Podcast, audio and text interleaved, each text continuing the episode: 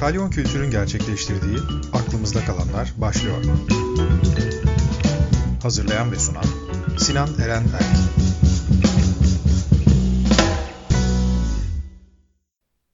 Herkese merhaba. Aklımıza kalanların yeni bölümüne hoş geldiniz. Bugün konuğumuz editör Mehmet Erkurt. Mehmet nasılsın? Merhaba Sinan, iyiyim. Teşekkür ederim. Sen nasılsın? Ben de iyiyim. Çok teşekkürler. Bugün senin yaptığın işle ilgili birazcık konuşup biraz da belki etraflıca yaptığın işin üzerinden Türkiye'deki var olan bir takım algıların üzerinden ufak bir konuşma yapmayı planlıyoruz seninle. Buradan da daha öncesinde Çağrı Odabaşı ile bir konuşma yapmıştık. Yine çocuk edebiyatı üzerine. Şimdi de senle çocuk edebiyatının editörlük üzerinden nasıl algılandığını, nasıl kurgulandığını biraz anlamak istiyorum ama öncesinde dinleyenlerimiz için birazcık kendini tanıtır mısın bize?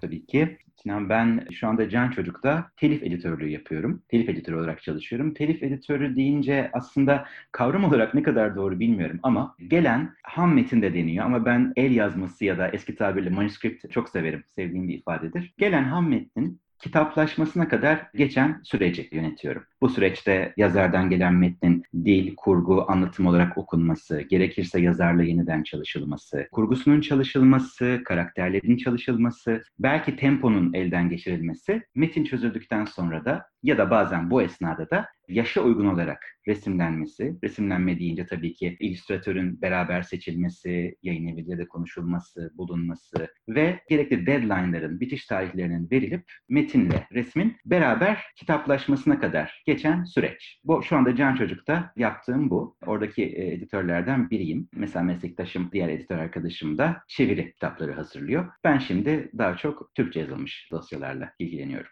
Peki ne kadar süredir bu işi yapıyorsun? Yani editörlük geçmişin Can Çocuk yayınlarındaki editörlüğe başlayana kadar geçen süre bu konularla olan ilgin ne kadar önceye dayanıyor? Şöyle, aslında Can Çocuk benim şu anda en kısa dönemim diyeyim. Yani bir beşinci yılına girdim Can Çocuk'ta editör olarak. Öncesi 2006'da başladı. Yani nereden baksan 15. yılıma giriyorum aslında yayıncılıkta da. Gün Işığı kitaplığında başladım ve yayın yönetmeni asistanı olarak başladım. Bu çok güzel bir başlangıç, çok doğru bir başlangıç oldu. Çünkü bilgili birinin, deneyimli birinin ve çok farklı başlıklara bakan birinin asistanı olduğunuz zaman onu ilgilendiği her alanla siz de bir şekilde ilgileniyorsunuz, göz atıyorsunuz, bakıyorsunuz. O yüzden bu asistanlık döneminde işin editörlük tarafından çok tanıtım ve okurla buluşma noktasında çalışmıştım. Daha çok işte arka kapağı, bültenleri, basına gönderilmesi, üzerine yazılacak yazılar, web, web sitesine yansıması ki o zaman daha sosyal medya yoktu çünkü web sitesiyle sınırlıydık. Sonra sosyal medyanın doğuşu. Aslında benim bundan önceki yayıncılık deneyimim metnin hazırlığından, kitaplaşmasından çok o kitap çıktıktan sonraki süreçti. Matbaa sonrası süreçti. Daha sonra Gün Işığı Kitaplığı'nın gençlik markası 18 kitap kurulduğunda ben de kuruluşunda yer almıştım. Orada sorumlu editör olarak çalıştım ve aslında metin hazırlamak, genç kitapları, gençlik kitaplarını, young adult edebiyatı hazırlamak ve az sayıda da olsa ham metni, yazarla birebir çalışma deneyimini ilk orada edindim. Ondan sonra Can Çocuğa geçtiğimde işim tamamen editörlük oldu. Yani aslında matbaa sonrasıyla, basım sonrasıyla başlamış, sonradan kitabın hazırlığına dönmüş bir yayıncılık deneyimi benimki. Çok farklı alanlarıyla ilgilenme şansım oldu ama. Bu elbette ki bu alanda çalışan biri için büyük bir avantaj olmalı. Çünkü sen işin hem öncesini hem sonrasını hem mutfağını her tarafını aslında çok detaylıca görebildiğin için şu an yaptığın işinde de tabii bu sana tecrübe olarak geri dönüyordur tahminen. Ya kesinlikle. Şey çok benim için iyi bir eğitim oldu Sinan. Kitabın sonrası yani yayına hazırlandıktan sonra okurla buluşma noktası. Çünkü orada aldığın eğitim, çünkü işte bir eğitim hani alırsan eğer sen, orada aldığım eğitim işin çok sosyolojisini içeriyordu. Yani bir çocuk kitabının hazırlandıktan sonra kimlere doğrudan ulaşıyor? Çocukla nasıl buluşuyor? Çocukla buluşana kadar hangi yetişkinlerin elinden geçiyor ya da hangi seçim kriterleriyle kitap yüzleşiyor? Bütün bunları görmek aslında bu işin bir anlamda sosyolojisi psikolojisini görmemizi sağladı. Ve bu kısmı öğrenmek daha sonra editörlükte olmazsa olmaz demeyeceğim ama ben bununla başladım ve bunun yararını çok gördüm. Kimlere hangi dinamikler ve hangi düşünce biçimleri, hangi tepkiler ışığında ne hazırlıyorum? Bunu bilerek başlama şansım oldu. Bu aslında çok önemli bir kriter ki biraz aslında benim de soruyu getirmek istediğim noktalardan birine doğru evrildik. Türkiye'de çocuk edebiyatı ve yetişkin edebiyatı arasında anlam olarak bana hep böyle bir farklılık varmış gibi geliyor. Şu anlamda tabii ki. Elbette yetişkin ve çocuk edebiyatı arasında bunların böyle kategorize edilmesi zaten bir farklılık olduğunu gösteriyor ama yetişkin edebiyatının ne olduğu ve nasıl algılandığı ve çocuk edebiyatının ne olup nasıl algılandığı arasında sanki yeteri kadar bir bilinç düzeyi gelişmemiş gibi hissediyorum. Çünkü insanlarda baktığımızda bir çocuk kitabını genel olarak sanki bir yetişkin kitabından daha değersizmiş bulma eğilimi var ve fakat arkasındaki süreci bildiklerinde bunun değiştiğini gözlemleyebiliyoruz. Senin bu açıda deneyimin ne oldu? Yani çocuk kitaplarının içeriğiyle ilgili düşündüğün zaman, yetişkin kitaplarından ayrıldığı noktalara gördüğün zaman dışarıdaki bu bilinç düzeyini ya da algıyı nasıl buluyorsun ya da geçmişe göre kıyasladığın zaman bugün ne düzeyde? Harika bir bir kere açıklamayla bence başladın. Çocuk edebiyatında basit görme eğilimi var. Çocuğa dair bir şeyi. Aslında hani çocuk oyunu bu. Deriz ya kolaylaştırmak için hani çocuğa dair bir şeyi basit görme. Çok basit bir şeyi çocuğun seveceğini düşünme eğilimimiz var aslında bu çocuk edebiyatının Türkiye'deki 10 yıllarına yayılmış bir e, bakış açısı. Çok değişmeye başladı ama çözüldü diyemem. Çünkü yayınlanan kitapların kalitesi artsa da yayın evlerine gelen başvuru dosyalarının kalitesini ve okuru ve edebiyatı ciddiye alışını gördüğümüzde yüzdelerin hala çok değişmediğini görüyoruz. Sadece yayın evleri niye yayınlayacağını ve nasıl yayınlayacağını daha iyi bildiği için hani kültürel planlama biraz daha iyi yapılıyor. Ama üretimde hala bu basitlik algımız var. Sinan şöyle, şimdi çocuk edebiyatının şöyle temel bir özelliği var. Bunu hani çok söylüyorum ama adını kitlesinden alan yegane edebiyat türü.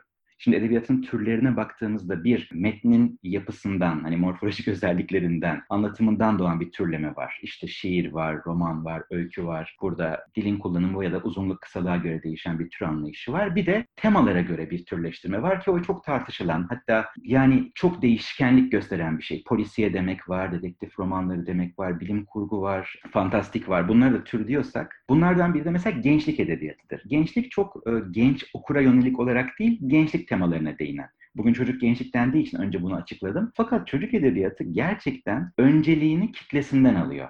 Yani bunu herkesin okuduğu bir tür, herkese tavsiye edilen bir tür ama ona bu adı veren ve hani var olma nedenini, rezon ortaya koyan şey çocuğun varlığı, okurun varlığı. Şimdi böyle olunca elbette bu edebiyatta bir şeyler farklı oluyor. Her türün kendi özellikleri olduğu gibi. Ve bu farklılıklar aslında çok net anlaşılmaya başladı Sinan. Çok konuşuluyor bunlar e, ve bunun üzerine atölyeler veriliyor, konferanslar veriliyor, artık buluşmalar yapılıyor. İşte nedir? Çocuk edebiyatında çocuğa metin hazırlıyorsan yayına bir kere bir sorumluluğun var. Yani o sorumluluk zorunluluk onu kaliteli ve okuma zevkini uyandıracak bir edebiyatla buluşturma zorunluluğu. Çünkü o edebiyatla sen bir okur da yaratabilirsin, kararsız okumayı sevme sevmeme arasında kalan bir okuru da kazanabilirsin ya da onu biraz daha edebiyattan uzaklaştırabilirsin. Kaybettirmeye çok inanmıyorum çünkü bunlar çok hani kaderci tavırlar geliyor bana. Her şey her zaman kazanılır, kazanılabilir doğru adımlarla, doğru planlarla ve zamanlamalarla. Ama böyle bir sorumluluk boyutu vardır çocuk edebiyatının ve bu sorumluluk boyutu seni bir kere dilde çok daha titiz olmaya davet ediyor. Kurgularda çok daha mantıklı olmaya. Çünkü çocuk yakalar. Yakalar ve çocuğun bir kitabı okumasında yatan esas motivasyon gidip işte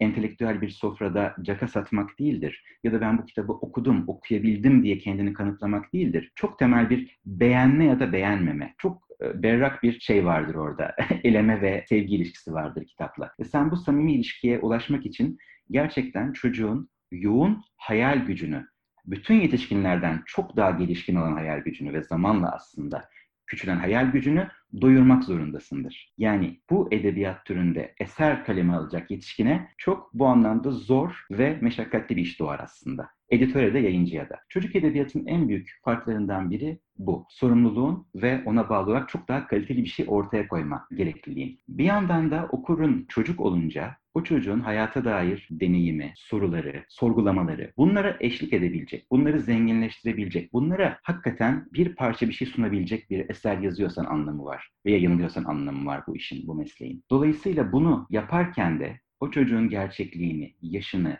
onu çevreleyen yetişkinleri, o yetişkinlerin bu sorulara eşlik edebilmesini, bütün bunları düşünerek bir şeyler yapıyorsun. Hani çocuğa görelik denir ya, çok aslında tartışmalı bir konudur. Çok temel belli başlı çocuğa yaklaşım, genel geçer kuralları ya da prensipleri dışında aslında çok kültürden kültüre değişen bir yaklaşımdır. Ve ben biraz korkarım çocuğa görelikten. Çünkü Türkiye'de çocuğa göreliği açıklayan kimi ekol bunu geliştirmeye yöneliktir, kimisi de çok daha yerinde sayan, çok daha kültürel ya da inanca bağlı kısıtlamaları çok kabul eden, aa bu çocuğa göre değil çünkü aileye göre değil gibi kısıtlayıcı bir yaklaşım da vardır. Bu yüzden çocuğa göreliği tanımlarken ben birazcık daha şeyde kalmaya çalışıyorum. Görüşlerde, ekollerde değil de çocuğun hayal dünyasına, bu hayatı algılayışına, bu hayatın içinde var olmasına bir şey katabilecek eserler. Aslında edebiyattan hepimizin beklediği bu. Kendi hayatımızda özdeşleşebileceğimiz bir şey ve ondan alacağımız bir zevk, başka bir hayat olasılığı, bunun kurgusu. Çocuk edebiyatında da bunu biraz daha özenli, biraz daha çalışkanca yapmak gerekiyor. Fakat bu farklılıkları konuşurken çok temel bir ortaklığı unutuyoruz Sinan e, yetişkin edebiyatı ve çocuk edebiyatı ayrımını yaparken. İkisinin de edebiyat olduğu ortaklığı. Şöyle söylemek istiyorum ki çocuğa bir şey yazdığımız zaman ilk harcadığımız şey edebiyat. İlk harcadığımız şey estetik. İlk harcadığımız şey kurgu, hikaye, zenginlik ve tasvirler. Hemen bir meramı anlatma, bir mesajı aktarma, bir çocukta bir eğitsel bir dönüşümü sağlama e, şeyimiz, davranışımız, tavrımız bir türlü önceliği edebiyatı öyküye veremiyor. Yani çocuğa görelik derken, çocuk için bir şey yapıyorum derken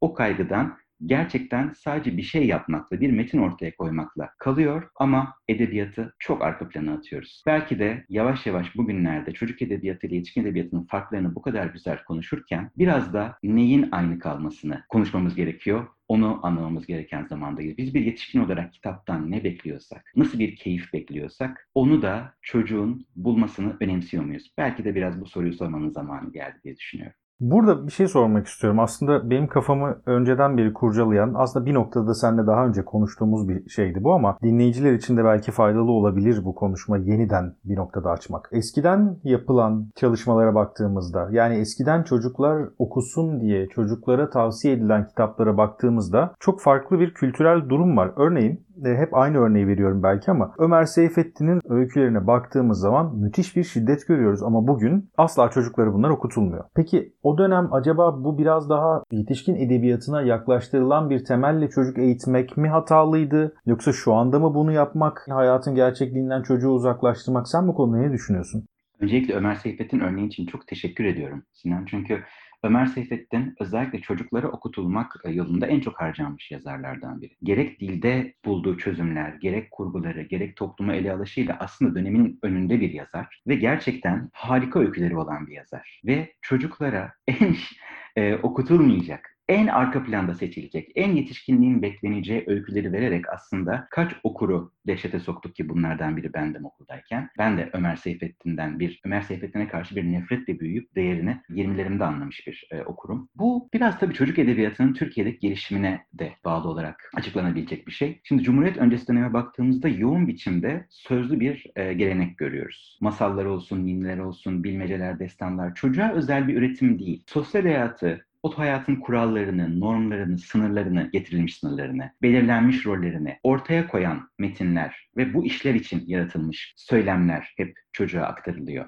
Tabii ki ahlak, tabii ki doğru davranış ve değerler ön planda. Cumhuriyetle gelen dönem ise bunun biraz kırıldığı ama başka türlü bir didaktizmin geldiği dönem. Artık orada da bir vatan, yeni bir vatandaş, yeni bir cumhuriyet çocuğu ve aynı zamanda bireyi inşası söz konusu. Yani hep bir inşa var. Modern, aydın bir nesil yaratmak. Niyetler ne olursa olsun edebiyatı önceleyen bir öğreti, bir aktarım söz konusu. Burada hep bir benimsenecek değerleri ortaya koyma çabası var. Tabii ki Ömer Seyfettin'in mesela senin sözünü ettiğin dönemde 80'lerin başında ve 90'lara kadar aslında da seçilen metinler bu inşa, bu doğru davranışı, bu hayat derslerini öğretmeye dayalı bir edebiyat anlayışını temel aldığı için seçimler de buna göre yapılıyor. Orada şiddet varmış, orada çocuk metni çok severmiş, bir okur olurmuş. Zaten hatırlayalım yani benzer çocukluklar yaşadığımızı düşünüyorum. Edebiyata bakış tabii ki okuyacaksın. Tabii ki klasikleri okuyacaksın okumak zorundasın gibi bir algıyla, bir eğitim dürtüsüyle, bir eğitim önceliğiyle bize aktarıldı. Okuma keyfi diye bir cümleyi ben ifadeyi hatırlamıyorum küçüklüğümde.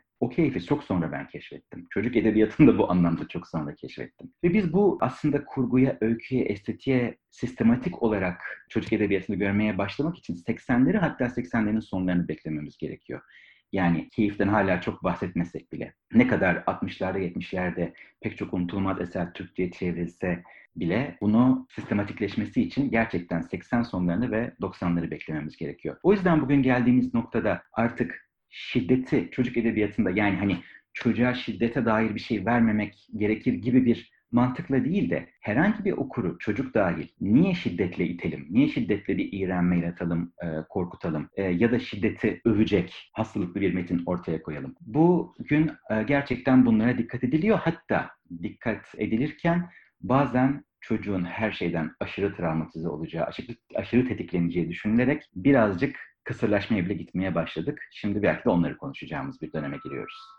Elbette zaten burada e, artık yöntem ve gidişat da konuşulabilir bir duruma gelmiş durumda olduğu için bunlar belki de ileride çocuk edebiyatının ya da yetişkin edebiyatının da bir noktada tartışacağı sorunlar olacak. Peki yeni dönemde baktığımızda yani yeni dönem dediğim 2000 sonrasından itibaren soruyorum aslında online yayıncılık kavramının yükselişini görüyoruz. Bu dönemde yapılan bir sürü farklı iş var. Bugün PDF üzerinden ya da işte dijital olarak yayınlanan kitapların yayınlanmasına baktığımız zaman neredeyse özellikle Amerika'da mesela basılı kitaplardan biraz biraz öne bile geçmeye başladılar. Ama çocuk edebiyatında bu online basım, online dağıtım ve dijital kitaplar mantığı yeteri kadar işleyebilecek bir durumda mı? Hem fiziksel çocuğun gelişiminden bahsediyorum hem zihinsel gelişimden bahsediyorum. Sadece mecra bakımından tabii söylüyorum. İçerik çok başka ama ya da İkinci bir seçenek olarak biz aslında dijital çağa hepimiz fiziksel olarak da artık adapte olmalıyız ve bu nedenle çocuk edebiyatının da dijital üzerinden gitmesi daha doğru bir yere doğru gidecek mi?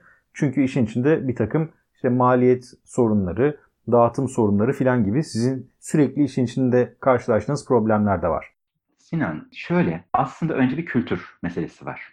Edebiyatı ne kadar önceliyoruz hayatımızda, ne kadar okuyoruz? Bugün Türkiye Yayıncılar Birliği'nin yaptığı bir araştırmaya göre aslında okumada ve edebiyatta umduğumuzdan daha iyi yerdeyiz. O sayılar çok uzun. Belki bu programa sığmaz ama Türkiye Yayıncılar Birliği'nin sitesinden merak eden herkes bakabilir. Hani onu sadece bir önemli bir bilgi olarak vermek istedim. Bir kere edebiyatı hayatımıza zaten yeteri kadar sokuyor muyuz? Aslında dijital yayıncılığa baktığımızda Sinan, 2009'da e, dünyada büyük bir patlama görüyoruz. Büyük bir, özellikle Amerika'da dediğin gibi Digital Book World'un konferanslarına başlaması, webinarları ve burada bunun detaylı bir şekilde gerek telif hakları boyutu, gerek dediğin gibi dağıtım ve en önemlisi tabii ki telif haklarına bağlı olarak güvenlik. Yani o yayınladığın format neyse onun güvenliği, onun kolay bir şekilde kursuna dönüştürülmezliği ve takibi gibi konular çok konuşulmaya başlandı 2009'da. Ama Türkiye'de bu, bugün takip ettik bu Covid döneminde yeniden bu konuşmalar gündeme geldi. Aslında biraz yerinde saymış. Onu söyleyebiliriz. Yani Türkiye'de bir e-kitap ya da bir dijital okuma ya da bir sesli kitap çok çok fazla yayılmadı. Yani aslında kitap okuma rakamları da belli bir. Yani kitap sektörü büyüse bile okuma eğilimleri ve bu eğilimleri çeşitlendirmeye dair de çok büyük farklılıklar görmedik. Bugün pek çok büyük yayın evi diyelim tırnak içinde. Onların yayınladığı çok satanlara bile baktığımızda e-kitap satışları gerçekten düşük. Gerçekten düşük. Çocuk edebiyatına bu açıdan baktığında zaten en çok örneği şeyde görüyoruz. Picture book'larda, çok resimli kitaplarda, metnin biraz daha geri planda olup görsel anlatımın ön planında olduğu kitaplarda biraz interaktif yani ekranı dokunarak o resimlerin değişmesi üzerine kurulu aplikasyon kitapları gördük. Fakat okuma olarak zaten şimdi şöyle bir durum da var. Çocuğun olabildiğince ekranla az temas etmesi isteniyor. Çocuğun bir iPad'i eline alıp e, saatlerce oyun için kullanması ve bırakmaması pek çok ebeveyni endişelendiren bir şey olduğu için ekrana bir kitabın konması ya da çocuk kitabının o ekranda okunması da çok fazla gündeme gelmedi. Ama içinde bulunduğumuz Covid döneminde zaten dağıtım olsun, basımlar ve bu kitap kitapların ulaşması konusu hepimize dijitalin gerekliliğini ya da kaçınılmazlığını ya da biraz ikisini birden yeniden hatırlattı ve bazı değişimler olacak. Çok fazla yola kat et, yol almadık bu konuda ama almak zorunda kalacağız gibi de görülüyor.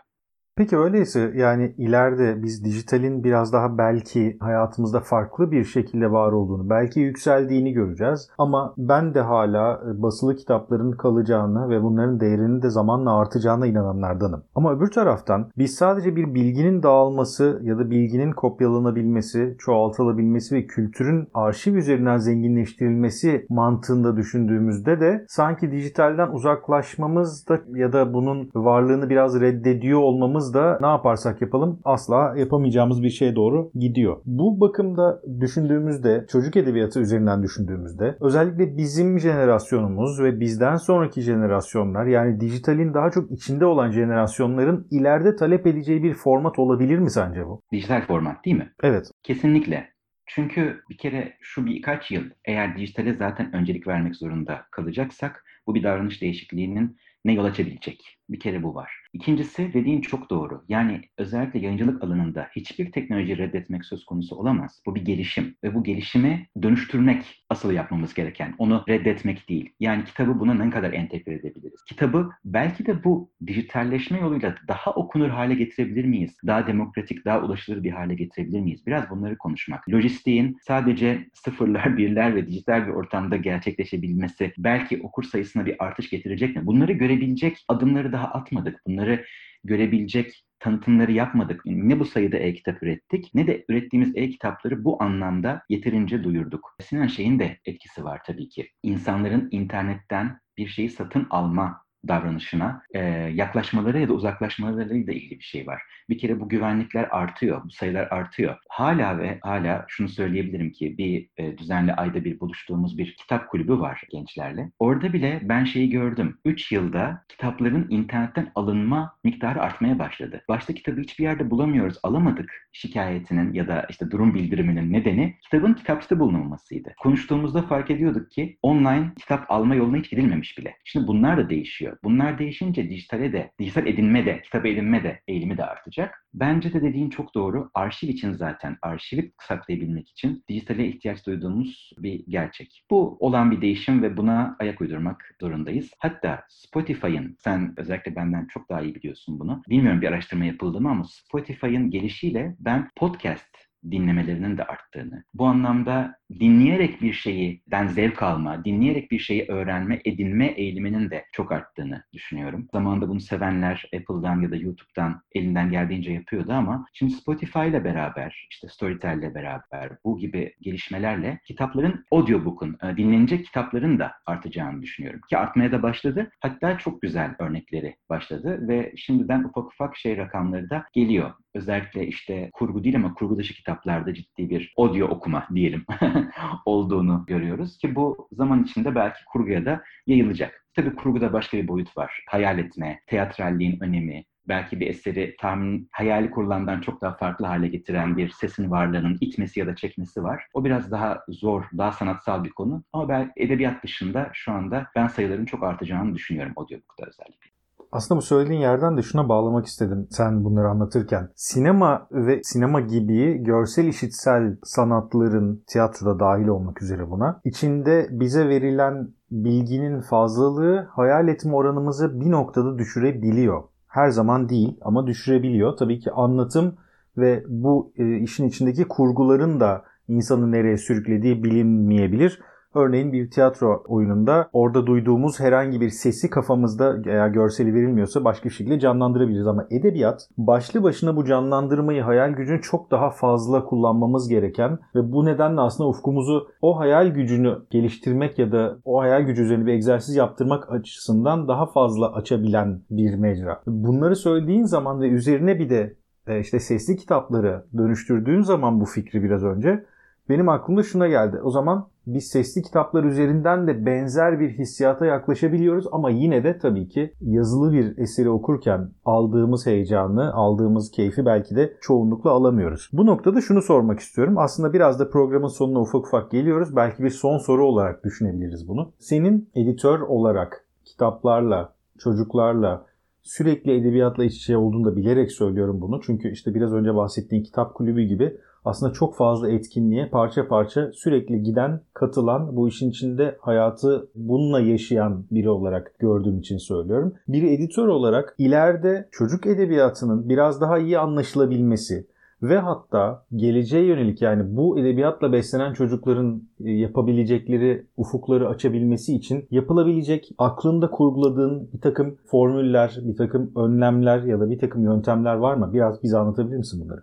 En hassas gördüğüm noktaları belki söyleyebilirim Sinan. Bunda kitap fuarlarına gitmenin bir sunucu olarak söyleyebiliyorum. Çünkü bizim işimiz evet editörlük, kitabı yayını hazırlamak, yazarla konuşmak, arka planda çalışmak aslında. Ve biz çok masa başı insanlarız ama ben şeyi, yararını çok gördüm. Bir kitap fuarı yapıldığında hangi şehirde olursa olsun mümkün olduğu kadar katılmak ve standda olmak. Çünkü orada ebeveynlerle öyle güzel sohbetler gerçekleşebiliyor ki o kısacık dakikalarda, o karmaşada, Hele de bir hafta sonu hengamesinde. Ebeveynlerin aslında çocuklarına kitap seçerken duydukları kaygılar, hatta korkular, kimisi tanımlı, kimisi karmaşık korkular. Bunların en büyük ihtiyacının üzerine konuşmak olduğunu anlıyorsun. Birinden biriyle paylaşmak istiyorlar. Ve aslında edebiyat üzerine, çocuğun ne okuyacağı üzerine sohbet alanları çok az. Sürekli bu edebiyatın yani nasıl olması gerektiği üzerine bir takım bence nitelikli niteliksiz, mesnetli mesnetsiz buluşmalar yapılıyor. Kitapçılarda yapılıyor, kültür merkezlerinde yapılıyor ve hep böyle oradaki amacın şey olduğunu görüyorsun. Çocuk kitabı yazacaksanız nasıl yazmalısınız? Tamam, bunu da konuşmak çok önemli ama çocuk kitabını nasıl okuyacağız? Nasıl seçeceğiz? Seçerken nelerden korkuyoruz ve bu korkular ne kadar geçerli? Bu korkuların üstesinden nasıl gelebiliriz ve kitaplarda bir sorun varsa bunu nasıl görür, nasıl kolayca hallederiz? Biraz bunların konuşulmasının artması gerekiyor bence. Öncelenmesi gerekiyor. Çünkü fuarlarda gördüğüm şey, bir şeyi konuşuyoruz, bakıyor, ya şu konuda bir şey var mı? Mesela çok temel bir yerden başlıyoruz. Okumayı pek sevmiyor ama macera seviyor. Maceradan başlıyoruz. Ve macerayı seçerken bunda böyle bir konu anlatıyor. Biraz konusuna giriyorum mesela editör olarak. Hani okumuşum, bilim, biliyorum kitabı. O artıyı sağlıyor bana.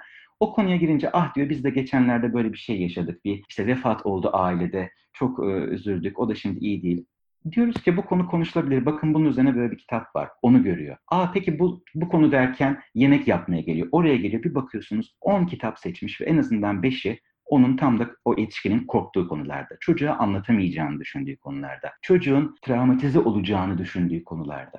Çünkü olmayabileceğine dair bir sohbet gerçekleştirdi. Şimdi çok değişik bir yerden gideceğim. Çocuk e, kitaplarının bugün en büyük sorunu çocuklar değil Sinan ya da çocukların okuması değil. O kitapları ulaştıran yetişkinlerin çocukla, çocuğa ve edebiyatına bakışı ya da ondan ürk, ürkmesiyle ilgili bir sorunumuz var. Ben çocuk edebiyatına dair yetişkinlerle sohbetlerin artması gerektiğini düşünüyorum. Bunlar yayıncı okur buluşmaları olabilir. Yayıncı ebeveyn, yayıncı öğretmen. Öğretmenlere çok bir şey demiyorum. Onlar zaten yayıncılarla çok iç içe ve bu korkuları çok yenmiş insanlar. Ve hatta ebeveynlere anlatmaya çalışan insanlar ki çok tek başlarına kalıyorlar. Bir kitap üzerine okula bir şikayet tepkisiyle gelen ebeveynin yarattığı infialde en çok öğretmenler göğüslemeye çalışıyor. Bu öğretmenlerle buluşmamız bizim tabii ki biraz da yayıncılığın, sektörün, ekonomik hareketlerin izin verdiği, ortam sağladığı şartlarda olabildi. Bunu yetişkinlerle arttırmamız gerekiyor. Okuyan çocuk ama bu üretim bir yetişkin işi ve bunu öncelikle yetişkinler seçiyorsa çocuğa ve edebiyata yaklaşımda bir özgüven geliştirmemiz şart. Bunu da ancak daha fazla iletişimle yapabiliriz. Ben görebildiğim en büyük, en etkili, belki zaman alacak, belki çok çalışmaya gerektirecek ama kalabalık bir şekilde ve bilinçli yaparsak sonuca ulaşabileceğimiz çözüm bu. Bol bol çocuk ve okuma üzerine, okuma deneyimlerinin üzerine konuşmak. Ve okumak tabii ki. Mehmet çok teşekkürler. Çok keyifli bir sohbet oldu. Hem de aynı zamanda belki hep konuştuğumuz ama böyle bir platformda insanlara aktaramadığımız bir konuşmayı da senle burada bir noktada kısmen yeniden gerçekleştirmiş olduk. Kısmen de e, yeni şeyler ekleyerek gerçekleştirmiş olduk. Sinan ben çok teşekkür ederim bu konuşma ortamını, bu şansı verdiğin, sağladığın için. Çok güzel program yapıyorsun. Ben de çok e, düzenli ve seven bir takipçinim. Çağrı'ya da selam ediyorum. Çağrı o da başına. O da en sevdiğim programlardan biri oldu. Bu konu ortaklaşması nedeniyle haliyle. Çok teşekkür ederim tekrar. Nice güzel programlara. Böylece aklımızda kalanların bir bölümünün daha sonuna gelmiş olduk. Gelecek hafta yeni bir konu ve yeni bir konukla buluşmak üzere. Herkese hoşçakalın.